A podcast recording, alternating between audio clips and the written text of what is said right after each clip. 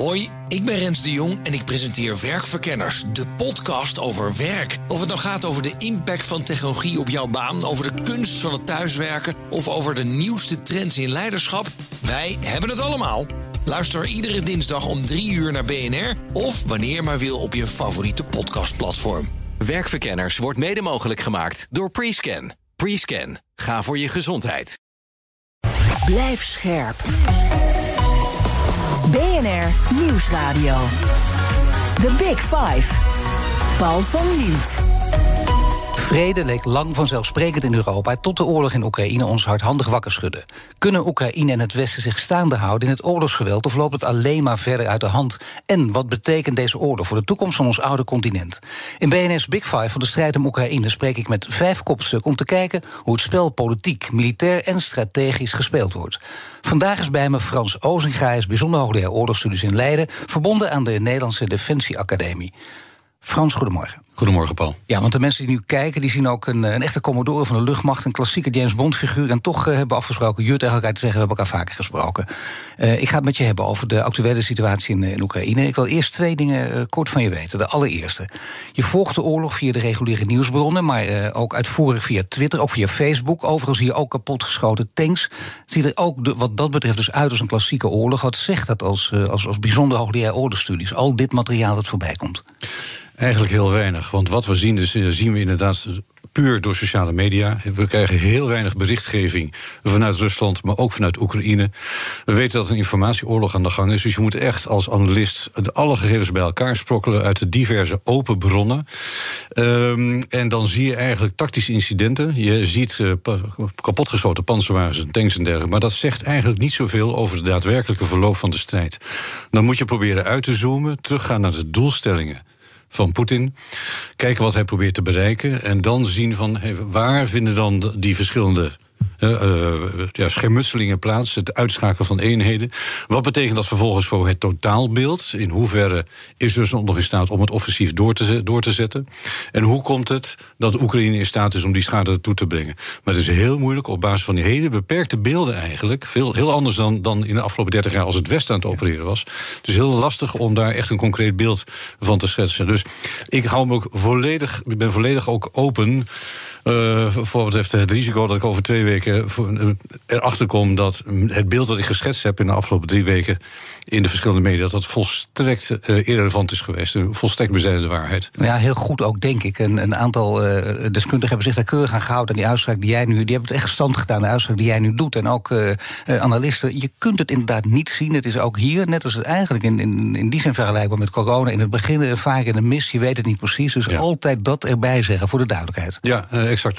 Nou, bovendien, we zien maar een deel. Hè. We zien vooral wat op de grond gebeurt. En dan nog ja. zijn er tactische, technische dingen. Wat er in de lucht gebeurt bijvoorbeeld, zien we niet. Wat er in het cyberdomein gebeurt, zien we ook veel minder. Elektronische oorlogsvoering kun je natuurlijk helemaal niet zien. Dus in die zin uh, is het maar een klein deeltje wat we nu observeren. Uh, en ik denk dat we pas over een jaar of een paar jaar de daadwerkelijke data krijgen, op, zodat er een totaal beeld ontstaat. En dan ten tweede, je bent al heel lang professioneel met oorlog bezig, ook boeken ja. over geschreven, uh, hebt er ook uh, persoonlijke ervaringen mee. Het komt nu natuurlijk nog dichterbij. Uh, ja. Je moet je professioneel kunnen afsluiten. Lukt dat altijd, emotioneel afsluiten of niet? Nou, heel eerlijk, nee. ten eerste zie je waanzinnig humanitair leed. Dat doet pijn. dit is ook heel dichtbij. het is twee uur vliegen van Amsterdam. Uh, dit is een democratisch land uh, dat probeerde lid te worden van de EU en de NAVO. En vervolgens zie je dat uh, door allerlei omstandigheden het Westen niet in staat is geweest om deze dreiging te voorkomen voor dit democratische land. in twee weken tijd, maar eigenlijk in een paar dagen tijd, is onze, ons wereldbeeld, een veiligheidspolitieke context, echt volledig op een hoop gegooid.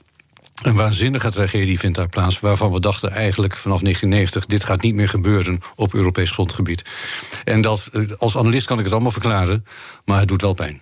Zijn er ook mensen ter plekke in Oekraïne of in Rusland die jij persoonlijk kent? Of waar je contact mee hebt? Nee, gelukkig niet. Nee, want dat scheelt ook. Hè. Je merkt uh, vrij veel mensen ook die nu analyses geven en daar mensen kennen, daar ja. diep contact mee hebben. Dat maakt het nog lastiger, denk ik. Absoluut. En ik heb in een uitzending gezeten op tv en dan zit je naast iemand die inderdaad Oekraïnse familie heeft. Ja, en dan voel ik mij als analist wel heel erg. Uh, ja, dat is zo'n afstand wat je dan hebt. En dan moet je gewoon je mond houden en rustig even iemand uit laten praten. En praten over de humanitaire aspect, want dat is verschrikkelijk. Want wij gaan praten over alle militaire aspecten, maar toch nog één keer de media. Want dat uh, haalt hij niet voor niets aan zo even. Ook het is heel lastig om te bepalen wat wel en wat niet waar is. Ja. Uh, we zagen ook, uh, en we horen ook steeds, dat er van binnenuit niet of nauwelijks kritiek mogelijk is. Maar toch, dat veelbesproken fragment, hele weekend of afgelopen dagen heel veel voorbij gekomen. Van die mevrouw die ook door Zelensky werd gecomplimenteerd. Die achter de nieuwslezer langs liep en, en, en echt gewoon haar kritiek gaf. En zegt: trap er niet in wat hier gezegd wordt. En daarmee dus 15 jaar gevangenisstraf riskeert. Ook nog Oekraïense uh, en Russische ouders, een gemengd huwelijk. En dan ook nog uh, twee jonge kinderen en toch dit grote risico nemen. Betekent dat dan ook, kun je dat bijna wel zeker zeggen, dat er veel meer Russen zijn die weten wat er aan de hand is, ook in de mediawereld, en langzamerhand ook stappen durven zetten? Ja, het, uh, nou, wat precies de impact is, weten we niet. Je ziet wel dat die muur die Poetin heeft proberen te bouwen in het informatiedomein om Rusland heen, om daarmee de zijn eigen bevolking af te schermen van al dit nieuws, dat er lekken in zitten, er zitten gaten in. En nu komt dit naar voren, maar je hoort ook berichten dat de delen van de Russische bevolking inderdaad gewoon zo lang zijn gebombardeerd met de propaganda van Poetin. Dat dit soort media-incidenten eigenlijk geen. Uh, ze landen niet. Het, het verandert niet hun beeld. Dus het is voor ons heel moeilijk nu om te bepalen wat de bevolking in Rusland eigenlijk denkt. En zeker in het oosten van Rusland, richting China, ja, dan, dan moeten we ons toch afvragen welke berichtgeving daar überhaupt doorkomt. Ja, nou ja, er zijn, uh, ik spreek ook met andere mensen, bijvoorbeeld in de Big Five, ook met Lara Staring, die zegt er zijn in Rusland uh, niet heel veel, maar er zijn er genoeg mensen die tot tien kunnen tellen, die echt wel weten wat er aan de hand is, die op een of andere manier toch de berichtgeving tot zich Precies, krijgen. en naarmate er meer slachtoffers terugkomen, en de moeders inderdaad het bericht krijgen dat hun zonen zijn omgekomen. Dan zullen we net zoals met de Tsjetsjeense oorlog zien dat die berichten naar buiten komen. En dat er echt wel uh, demonstraties weer beginnen te ontstaan. En dat het zich ook echt tegen de dictator zelf uh, gaat keren. Ja, maar een dictator heeft, zoals we weten, heel veel instrumenten in handen om demonstraties neer te slaan. En om uiteindelijk toch het, zijn regime te laten overleven. Als we naar de militaire aspecten gaan kijken, dan, dan zien we elke dag weer wat gebeuren. Welke fase is die strijd om Oekraïne nu beland? Uh, toch wel wat stagnatie. In de zin van, eh, als, als we dat hebben, dan lijkt het of er niks gebeurt. Voortdurende beschietingen vinden plaats. De, de humanitaire leed. Mensen komen om alleen in Mariupol meer dan 2000 uh, doden. Raketbeschietingen, artilleriebeschieting, dat gaat gewoon door. Maar als we kijken naar de situatie aan het front, de lijnen van waar de troepen zich bevinden, daar zien we eigenlijk weinig vernieuwing, weinig beweging. In het zuiden her en der wel wat. We zien natuurlijk nog steeds de aanvoer naar de verschillende fronten toe. En zeker richting Kiev over hele lange aanvoerlijnen. Wat ook een kwetsbaarheid is van het Russisch optreden, omdat uh, Oekraïne in staat is gebleken om die lange aanvoerlijnen nu al te doorsnijden, schade toe te brengen, waardoor alles vertraagt. Uh, maar het stagneert wel. De langzame omsingeling rond Kiev gaat gestaag, maar wel heel traag door. Rusland heeft problemen om voldoende troepen aan te voeren. Nou, we horen berichten over uh, Syrische troepen, die naar, vrijwilligers die die kant op worden gebracht. Voordat je die daadwerkelijk als, als effectieve gevechtseenheid aan het front hebt, dan ben je echt een hele tijd verder. Dus we zagen al afgelopen dagen een soort operationele pauze worden ingebouwd. Kijk, uh, Rusland is waarschijnlijk bezig troepen te verversen. Troepen worden moe. Die worden gesleten, zoals het heet. Ze, ze lijden enorm veel verliezen. Nou, die, die eenheden moet je vervangen. Dan wel, je vult ze aan met een andere eenheid. En ik heb het al eerder uitgelegd. Stel nu dat de helft van Feyenoord, voetbalteam, ja, en de helft van Ajax... Hoe erbij is een voetbalteam, ja. Ja, dat was maar even, de, even van waarom is het zo moeilijk om eenheden met elkaar samen te laten werken... die elkaar niet kennen. Probeer eens de helft van Feyenoord en de helft van Ajax met elkaar in een wedstrijd te zetten. De eerste paar wedstrijden ziet dat er niet uit. En dat is ook zo met de Russische eenheden, die, die voor de helft bijvoorbeeld helemaal uh, ja, uitgeschakeld zijn. Uh, die moeten ververst worden, nieuwe troepen moeten erbij komen. Commandanten zijn uitgeschakeld, die moeten ook vervangen worden. Je kunt je voorstellen dat dat een enorme vertraging oplevert in het tempo van, van de operaties. Maar kun je niet na drie weken nu een, reële inschatting maken van de sterkte van de Russen? Jawel. Uh, als we ervan uitgaan dat Rusland inderdaad 190.000 man ongeveer langs de grens valt en dat ze die intussen allemaal in Oekraïns gebied hebben zitten, dan lijkt het erop dat het momentum wat ze daarmee hebben gecreëerd onvoldoende is geweest. Het aantal troepen ook onvoldoende is geweest om daadwerkelijk de steden in te nemen um, en het gebied te bezetten. Ze hebben gekozen voor een vierfrontenoorlog. Het zuiden bij het Krim, in de oosten de Donbass, noordoosten uh, bij Kharkov... en vervolgens de doorstoot naar Kiev en vanuit Belarus naar Kiev uh, toe. Dat betekent ook dat die 150.000 troepen ook verdeeld moesten zijn over die vier fronten. Nou, dan heb je het over gigantisch grote steden. Uh, steden zoals Amsterdam. Nou, probeer maar eens een stad als Amsterdam te belegeren... alle wegen af te sluiten. Dat kost verschrikkelijk veel troepen. Gevechten in verstedelijk gebied Dat slurpt militaire eenheden op. Een groot kantoorgebouw, daar werken honderden, zo niet duizend mensen. Nou, heb je een brigade van 3000 mensen, wat veel is, of 3000 troepen, dan verdwijnt dat in zo'n stad. Nou, dan zie je dus ook dat Rusland ervoor kiest om toch zoveel mogelijk steden te omsingelen en dan maar over te gaan met beschietingen, tot beschietingen. En in plaats van de uiteindelijk de steden te gaan bezetten, zijn ze de steden aan het vernietigen. Dan zou je kunnen zeggen dat het dus een verkeerde inschatting is geweest. Totaal onvergelijkbaar, maar toch Amerikanen. Bagdad ja. ons ook nog niet eens zo gek lang geleden. En dan dachten, oh, daar, lopen we ook al snel naar binnen. Dat doen we snel. Dat duurde ook weken. Dat maar dit duurt nog langer en de tegenstand is nog Exact. Uh, het is een hele mooie vergelijking die je maakt. Uh, het Westen had dit waarschijnlijk heel anders aangepakt. Een, 2003, de inval van Amerika in, uh, in, in Irak, die heeft geleid tot de val van Saddam Hussein. Dan praten we over een sterker Amerikaans leger, een makkelijker gebied om in te opereren en een zwakkere Irakese, Irakese tegenstander ten opzichte van wat Oekraïne nu laat zien. Maar dan nog duurde het drie weken. Maar daar lag een, een volstrekt ander plan aan de grondslag. Als, ik die, als we tijd hebben nu om daar even op in te gaan. Daar was de, de hoofdprijs was Bagdad. Er, alles was erop gericht om vanaf de grond zo snel mogelijk bij Bagdad te komen. En alle speedbumps, zoals de Amerikaanse dat noemen, gewoon verzetshaarden die je tegen zou komen, om die te omzeilen, langs te gaan. En in de buurt van Bagdad te komen, want daar, dat was de zetel van de politieke macht. Ook de symbolen zaten daar. En wat je daar zag, was dat die operatie al vooraf was gegaan in tien jaar lang met een no-fly zone boven Irak.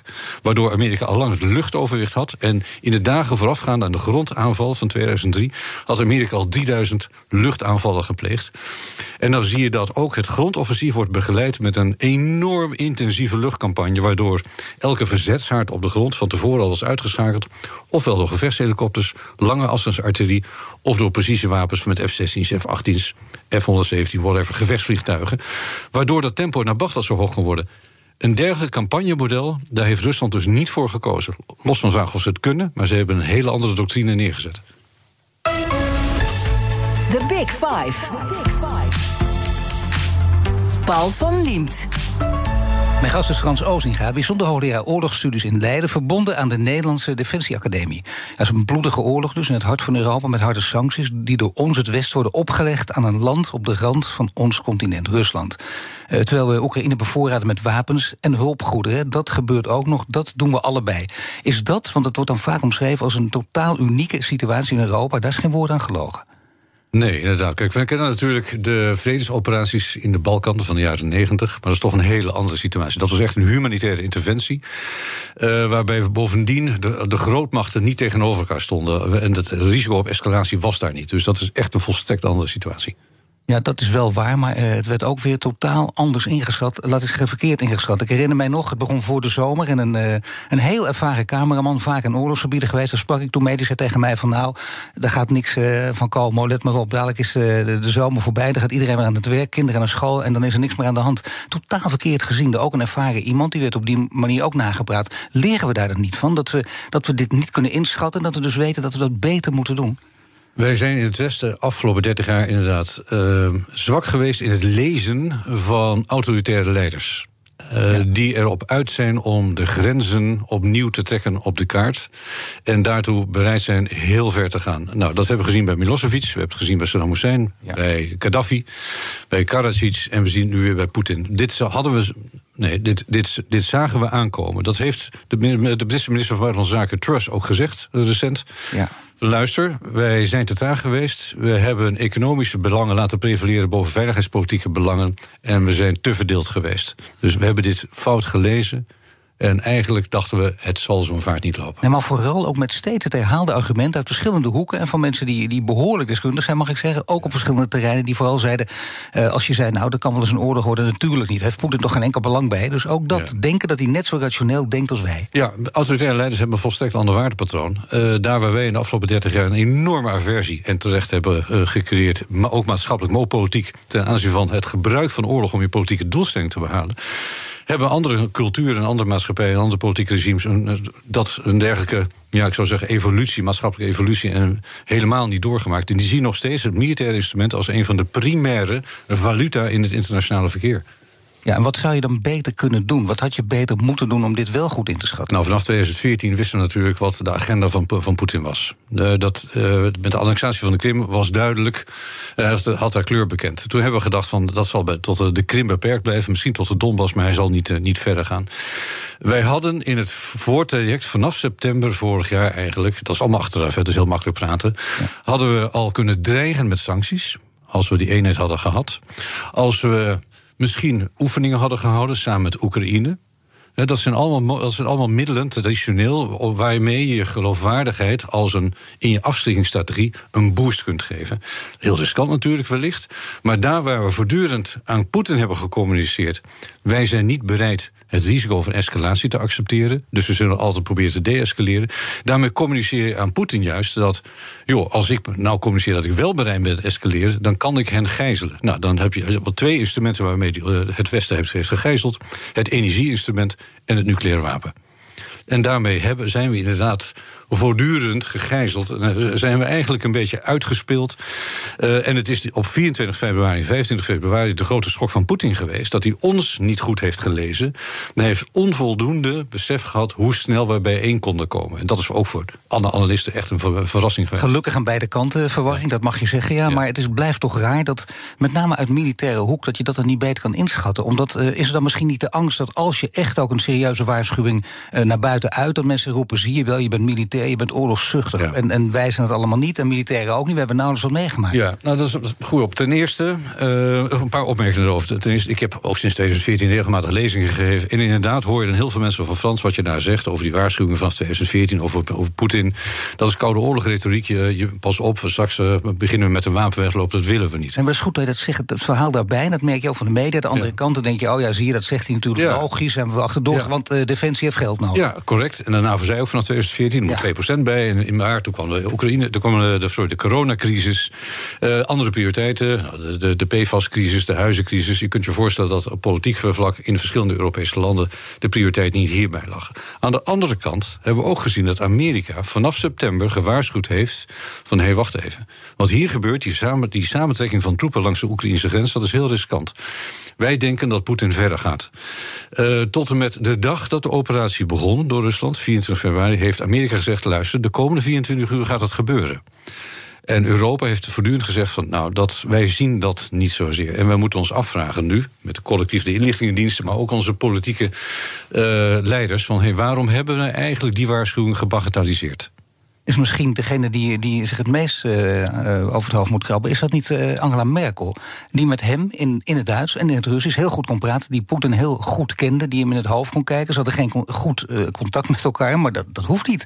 Er was geen klik. Zeker niet. Maar wel begrip ja. van beide kanten. Heeft zij het dan totaal verkeerd gezien? Niet alleen zij. Ik denk dat we, uh, en misschien wel terecht in een lange, lange tijd, uh, Poetin ook als een soort partner hebben gezien. Merkel heeft altijd gezegd: er is geen toekomst in Europa zonder Rusland. We zijn, voor wat betreft energie, en zeker in Duitsland, te afhankelijk ervan. Dus we moeten ook Rusland niet in een hoekje drijven, waardoor we vervolgens zelf worden geraakt door allerlei mogelijke sancties. in, in het tijdsgevricht voor, nou, ik zou zeggen voor september vorig jaar, kon je beargumenteren dat het mm, Poetin niet te vertrouwen was, maar dat het zo'n vaart niet zou lopen. Maar we hadden ook gezien dat Poetin regelmatig van die Zapad militaire oefeningen ja. uh, uitvoerde. Aangekondigd dan wel niet aangekondigd. We zagen het militaire assertiviteit op zee en in de lucht. We werden voortdurend uitgedaagd. En we wisten ook dat Poetin in staat was 80.000 man binnen enkele dagen aan de grens te brengen. Aan de andere kant dachten we van ja, dat. dat wat we bij Oekraïne zien, nee, dat is geen NAVO-lid. We hebben het gezien bij de Baltische Staten. Daar maken we heel, ons heel erg druk over. Maar dat is een NAVO-lid, dus hij zal toch niet zo gek zijn om de NAVO aan te vallen. Dan kun je je voorstellen dat uh, bepaalde waarschuwingen... en als je voortdurend waarschuwt en er gebeurt niks... dat je een cry-wolf-syndroom begint te krijgen. Dat we uiteindelijk zeggen van luister, het wordt achtergrondgeruis. Want hij kwam nu ook weer heel dicht bij Polen. En dan kun je zeggen, dat is per ongeluk, maar daar geloof je dan ook bijna niet mee. En zeker niet bij deze kwaadaardige geest, die op dat gebied natuurlijk uh, messcherp is en zijn eigen rationaliteit ja. erop nahoudt. Ja, dan hebben we het waarschijnlijk over die recente aanvallen. Ja. Op, op, precies. Dat gebeurt niet toevallig. De vraag is of Poetin daar toestemming voor heeft gegeven. Maar in het grotere strategisch plaatje was dit geen toevallige aanslag natuurlijk. Dit was een militair basis, op zich legitiem om een dergelijk doel aan te vallen. Maar Poetin wist ook, en zijn generaals wisten ook, dat is ook een grote militaire opslagplaats. waar waarschijnlijk al die uh, aanvoer van militair materieel vanuit het uh, Westen bij elkaar kwam. Maar dat heeft uh, niets te maken met een provocatie van kijk eens hoe dicht we bij je kunnen komen. Het is wel een signaal. Ehm, wat serieus moet worden genomen. Want dingen kunnen ook fout gaan. Ten einde van de crisis van, uh, van Kosovo in 1999 zijn bijvoorbeeld ook uh, enkele uh, westerse NAVO-raketten. die afgevuurd werden op Servische stellingen. zijn door technische mankementen op een heel andere plek tegengekomen. waarvan eentje in Hongarije. Dingen kunnen fout gaan. Ja. En dan, wat hier dan een rol speelt, is dat we eigenlijk heel weinig communicatiemiddelen hebben met Rusland om dit soort incidenten proberen in te dammen en uitleg te krijgen van hé, hey, wat is hier gebeurd. Dus naarmate het dichter bij de NAVO-grenzen komt, ja, dan wordt de NAVO daadwerkelijk zenuwachtig. Maar we zeggen niet meer zoals vroeger, het kan niet gebeuren. Dat zeggen we nu wel. Het is nu, je, je kunt de andere kant nu krijgen. Dat je opeens wel uh, gaat overslaan naar oorlogsretoriek. En dat je roept, jazeker, hij kan ook ons, ons ook aanvallen. Dit wordt een derde wereldoorlog. Terwijl het, het is toch geboden, denk ik, ook het hoofd koel te houden. Hoe hoofd, doe je dat in deze situatie? Ja, hoofd koel te houden. Nou, en vooral omdat je steeds die beelden ziet. En daardoor kun je, dan kun je mensen mee gaan slepen. Mensen worden steeds boos. En kijken ze even ziekenhuizen bombarderen. Uh, vrouwen en kinderen, kijken eens wat hij doet, wat hij aanricht. En dan word je natuurlijk vanzelf ook uit emotie, in die emotie getrokken. Ja, nu heeft de NAVO natuurlijk een, een goed ontwikkelde besluitvormings structuur, processen, uh, met inlichtingenanalyses, uh, met militaire en politieke uh, actoren daarbinnen. Dus men gaat er niet over één nacht ijs. Hier zijn de, de alle leiders van de westerse landen bij betrokken. En je ziet dat er voortdurend terughoudendheid, ook in de re retorische terughoudendheid bestaat. wel om een waarschuwend signaal te geven naar Poetin toe. Hè, van duidelijk, van luister, daar is de grens van de NAVO, kom daar niet aan.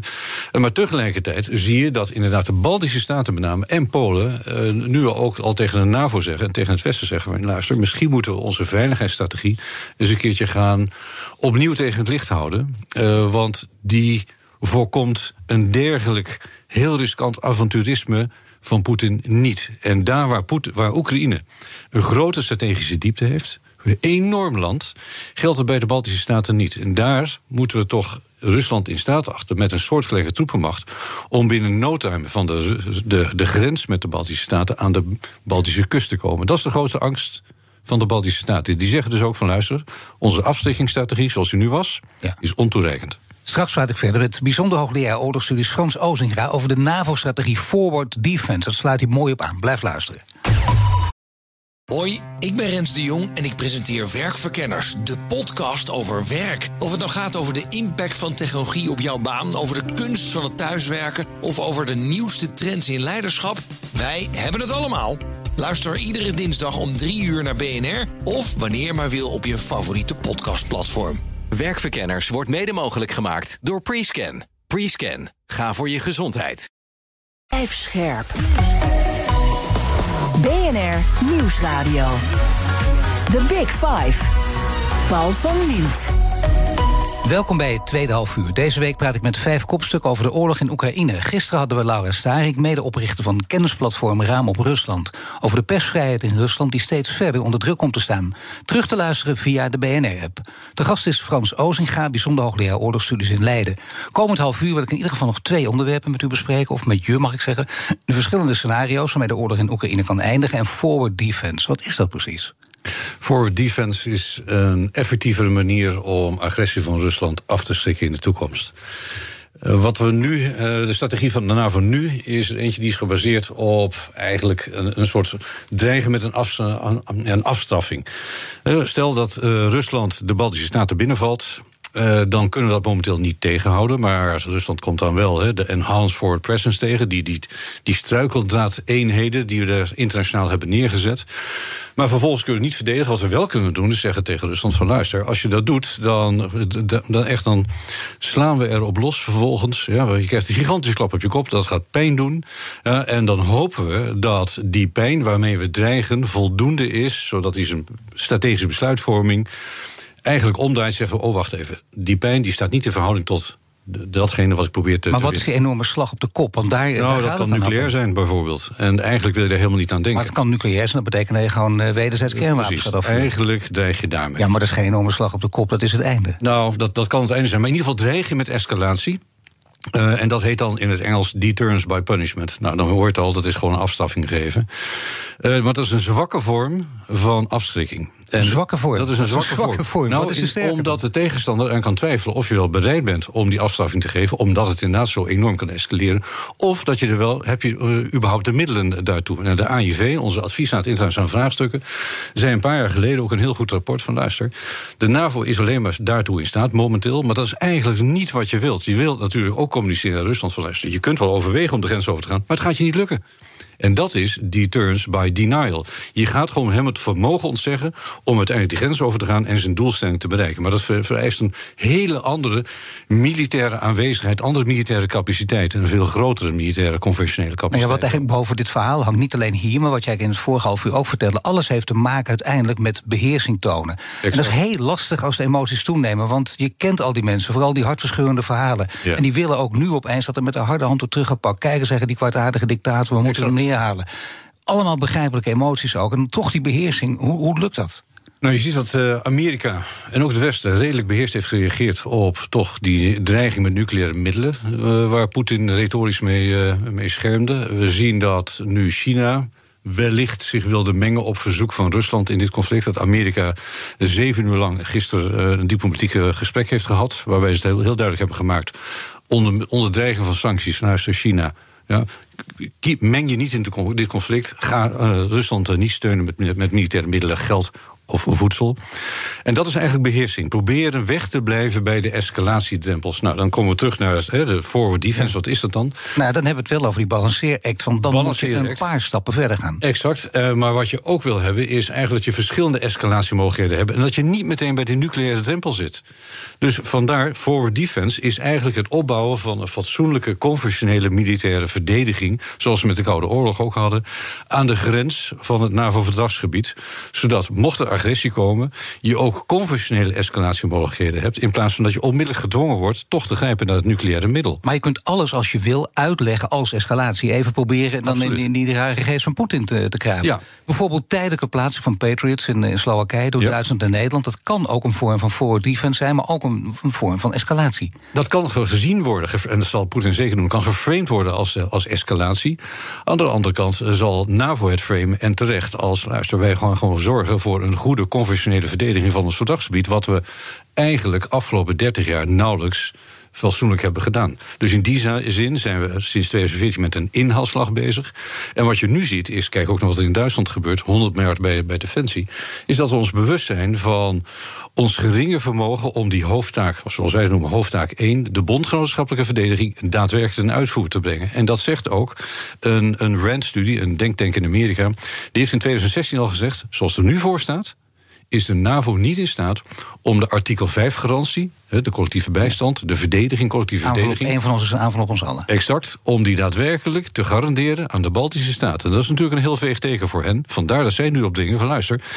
Die deterrence by punishment, dat is niet genoeg. Ik wil hier weer gewoon NAVO-eenheden, vliegtuigen boven hebben vliegen. Ik wil luchtverdediginstallaties hebben, Patriot-missiles, ook tegen die inkomende ballistische raketten en dergelijke. En we hebben momenteel onvoldoende conventionele middelen in Europa. Nou, vandaar dat de, Duitsland heeft gisteren besloten 35 F-35's aan te schaffen. Wij zijn nu weer bezig in Nederland om ons defensiebeleid toch tegen het licht te houden. Misschien moeten we daar toch wat, wat aan doen. Omdat we tot 2014 voortdurend bezig waren eigenlijk met hoofdtaak 2. En dat was humanitaire interventie. En de middelen die je nodig hebt voor die grootschalige gevechten, zoals we nu zien, die hebben we langzaamaan wegbezuinigd. En daar zijn we eigenlijk in Europa in het algemeen redelijk door het eind. Die inhaalslag is nodig, maar ook Ja. daar is dan steeds beheersing nodig. Laat ik dat woord Oh, maar een paar keer gebruiken, want daar gaat het steeds om. Het Ja. moeilijkste wat er is, zeker in deze situatie. Ja. Nu wordt ook, de pre- bij presidenten verwacht je dat ook. Zelensky wordt natuurlijk eh, geprezen. Kijk eens wat een held wat hij steeds doet. En, en ook met zijn, zijn emotionele video's die hij naar buiten eh, zet. Hij werd onderschat, hij werd als lichtgewicht gezien, wordt nu alom geprezen. Ik denk ook terecht als iemand die veel sterker is dan we denken. Maar ook hij speelt in op emotie. Is dat toch gevaarlijk? Zou, dat iets, zou hij dat iets minder moeten doen? Of is dit precies de goede methode? Um, hij bespeelt verschillende publieken natuurlijk. Uh, ten eerste zijn eigen publiek, zijn bevolking. Hij is een icoon geworden. Ja. Uh, hij is ook een enorme motivator voor zijn troepen. Hij heeft ervoor gezorgd dat de Oekraïnse bevolking een eenheid is geworden. Daar waar een deel van de, de bevolking initieel ook misschien wel een beetje voor Rusland geporteerd was. Uh, en daarnaast bespeelt hij natuurlijk het Westen. Uh, en dat doet hij door middel van, kijk, wat hij in het Lagerhuis heeft gedaan. Vandaag gaat, of morgen gaat hij, geloof ik, het congres in Amerika uh, gewoon toespreken.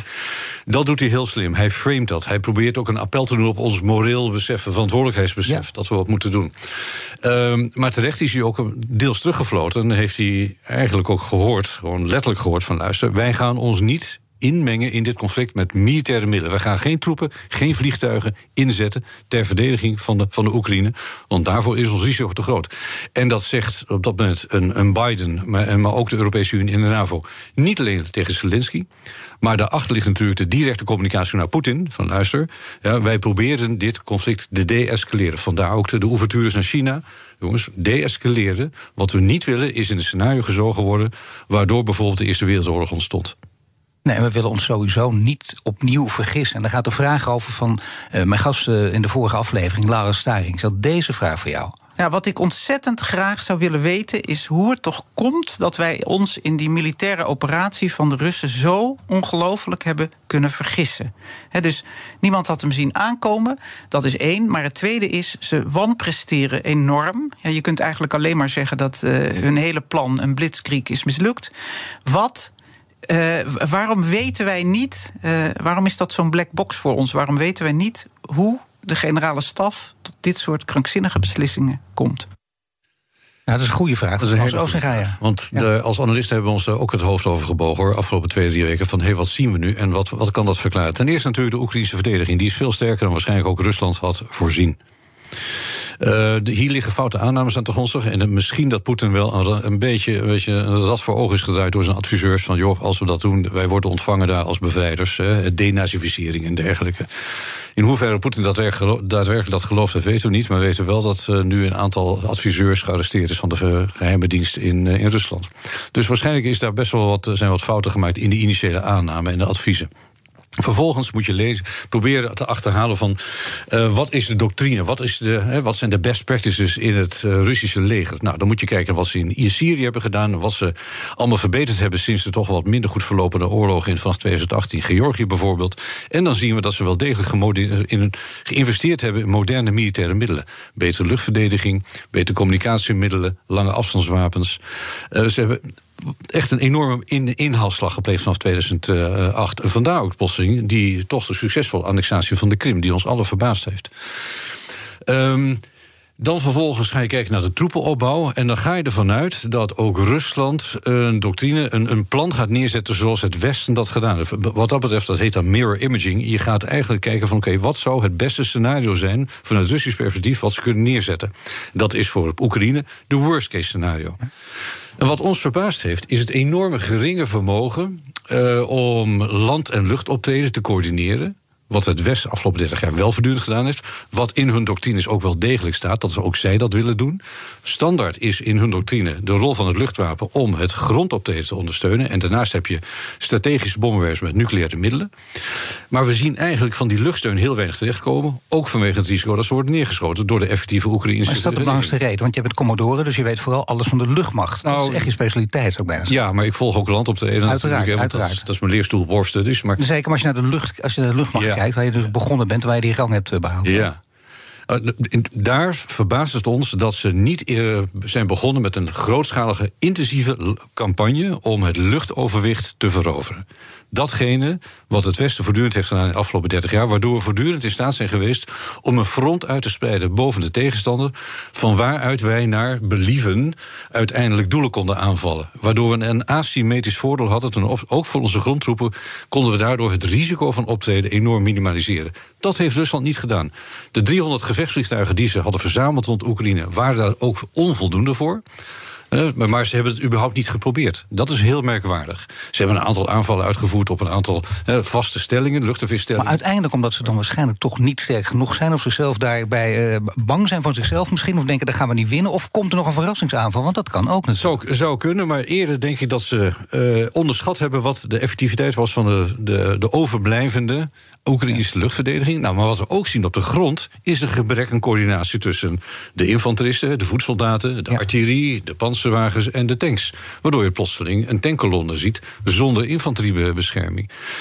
Daarachter liggen toch waarschijnlijk onderschattingen van de Oekraïnse weerstand, het terrein, de grote afstanden die overbrugd moeten worden, maar ook een overschatting van het eigen militair vermogen. Hoi, ik ben Rens de Jong en ik presenteer Werkverkenners, de podcast over werk. Of het nou gaat over de impact van technologie op jouw baan, over de kunst van het thuiswerken of over de nieuwste trends in leiderschap, wij hebben het allemaal. Luister iedere dinsdag om 3 uur naar BNR of wanneer maar wil op je favoriete podcastplatform. Werkverkenners wordt mede mogelijk gemaakt door Prescan. Prescan. Ga voor je gezondheid. BNR Nieuwsradio. The Big Five. Paul van Liemt. Je luistert naar BNS Big Five van de strijd om Oekraïne. Morgen praat ik met oud-NAVO-commandant Marten Kruijf. Mijn gast is Frans Ozinga, bijzonder hoogleraar oorlogsstudies in Leiden... verbonden aan de Nederlandse Defensieacademie. En natuurlijk eh, ja, een, een wijs man op het gebied van... eh, Land, lucht en zee. Hij weet natuurlijk alles. En de ruimte waarschijnlijk ook. Hè. Geen specialisme, maar zelfs daar. Dat hebben we ook nog. En dan hebben we ook nog cyber. Maar daar, daar kom- daar komen we vandaag niet meer aan toe. Want er zijn zoveel scenario's nu mogelijk. En in alle scenario's blijft het woord beheersing met hoofdletters geschreven worden. We laten een aantal eh, verschillende scenario's langslopen. waarmee de oorlog in Oekraïne kan eindigen. Het eerste scenario is eh, Kiev valt. Wat gebeurt er met dat scenario? Dat is een, een, een waarschijnlijk scenario, of niet? Ja, dat is het einde van de soevereiniteit van Oekraïne.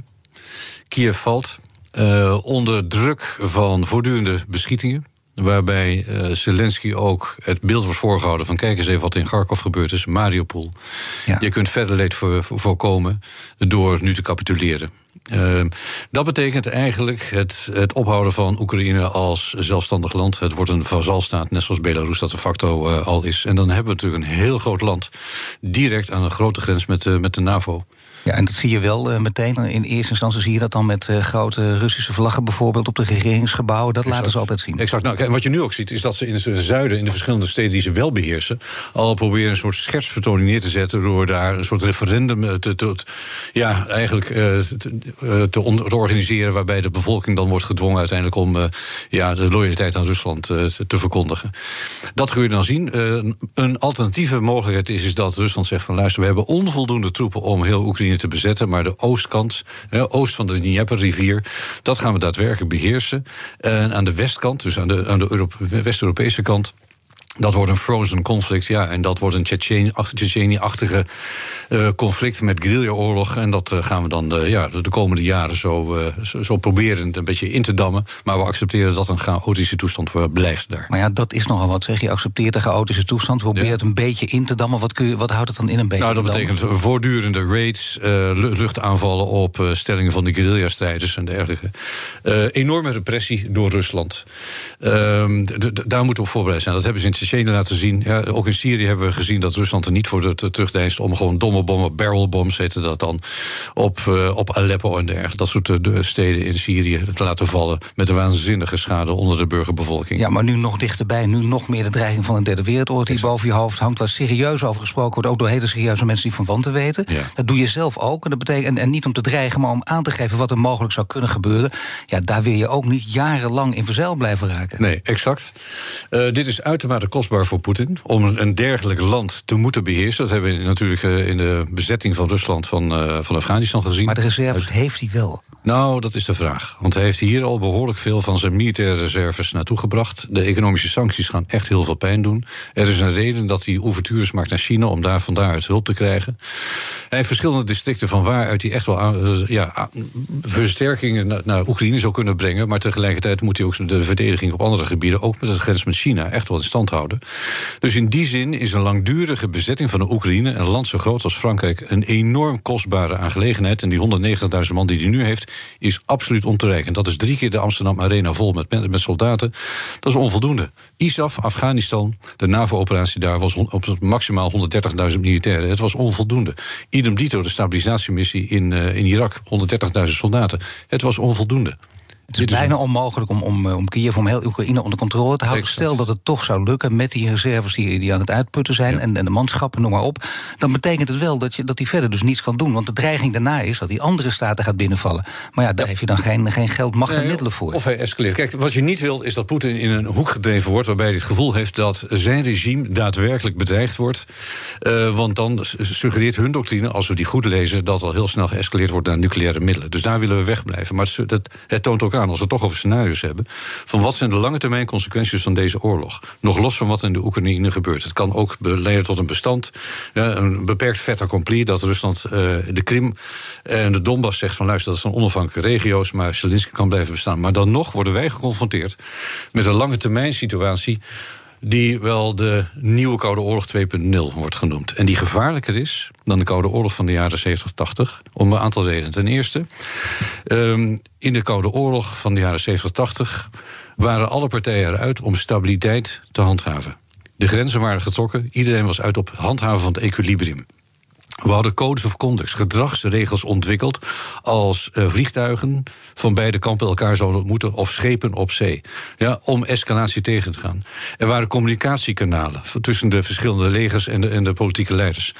Um, er was ook een wapenbeheersingsregime en vertrouwenwekkende maatregelen. Bestaat allemaal niet meer. Omdat de leiders van toen de oorlog nog redelijk vers in herinnering hadden. Precies, dat, dat, maakt echt uit. En onder Trump ook, de president Trump van de afgelopen jaren, is uh, samen met Poetin is zijn die wapenbeheersingsregimes eigenlijk, uh, eigenlijk uh, op, opgedoekt. Nou, dus je kunt je voorstellen dat met zo'n een, Poetin-regime revisionistisch, die echt grenzen wil, uh, opnieuw wil trekken in Europa, dat dit een veel ja, dat heet dan instabiele, volatielere koude oorlog is. Met veel grotere risico's tot spontane escalatie of ongelukken. Maar dat is helemaal gevaarlijk, want dat betekent dat je in zo'n situatie komt dat je denkt, nou, bijvoorbeeld uh, binnen twee maanden is er weinig gebeurd. Zie je, het, het lijkt alweer gestabiliseerd. Dan zul je die geluiden ook gaan horen.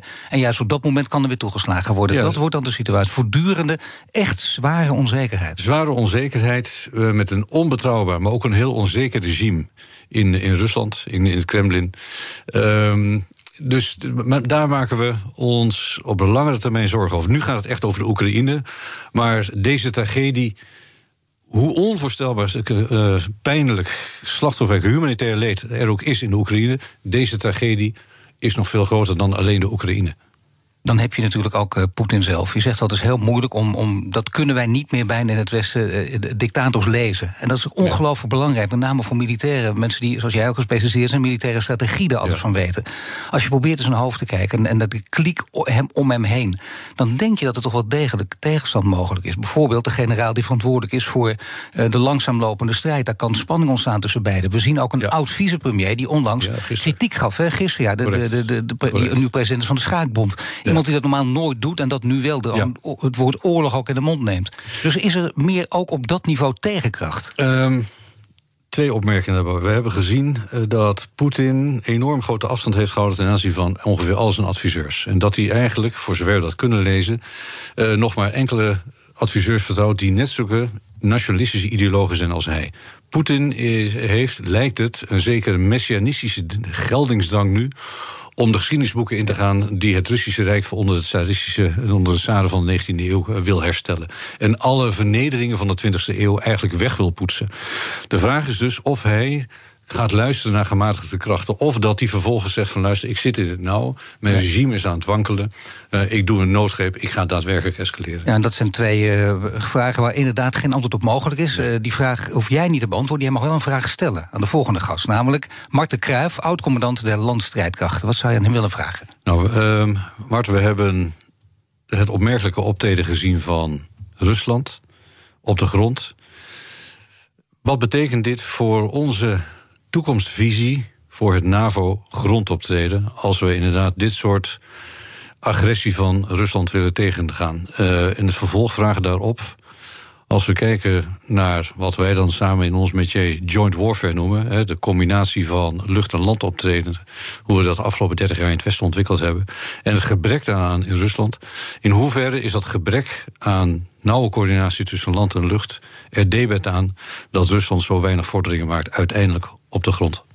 Ja, dat is een hele lastige vraag, denk ik ook. vraag. Eh, je bent wel blij dat je hem zelf niet hoeft te beantwoorden, denk ik. Nou, ik heb wel een antwoord. Maar Nee, maar dat kan niet. Nee, nee, dat kan niet. Maar ik ga het morgen doen. Hartelijk dank, Frans Oosinga. Alle afleveringen van BNS Big Five zijn uiteraard terug te luisteren. Je vindt de podcast in de BNR-app en op bnr.nl. En nu Kees Dorrestein met BNR Breekt. Dag. Hoi, ik ben Rens de Jong en ik presenteer Werkverkenners, de podcast over werk. Of het nou gaat over de impact van technologie op jouw baan, over de kunst van het thuiswerken of over de nieuwste trends in leiderschap, wij hebben het allemaal. Luister iedere dinsdag om 3 uur naar BNR of wanneer maar wil op je favoriete podcastplatform. Werkverkenners wordt mede mogelijk gemaakt door Prescan. Prescan. Ga voor je gezondheid.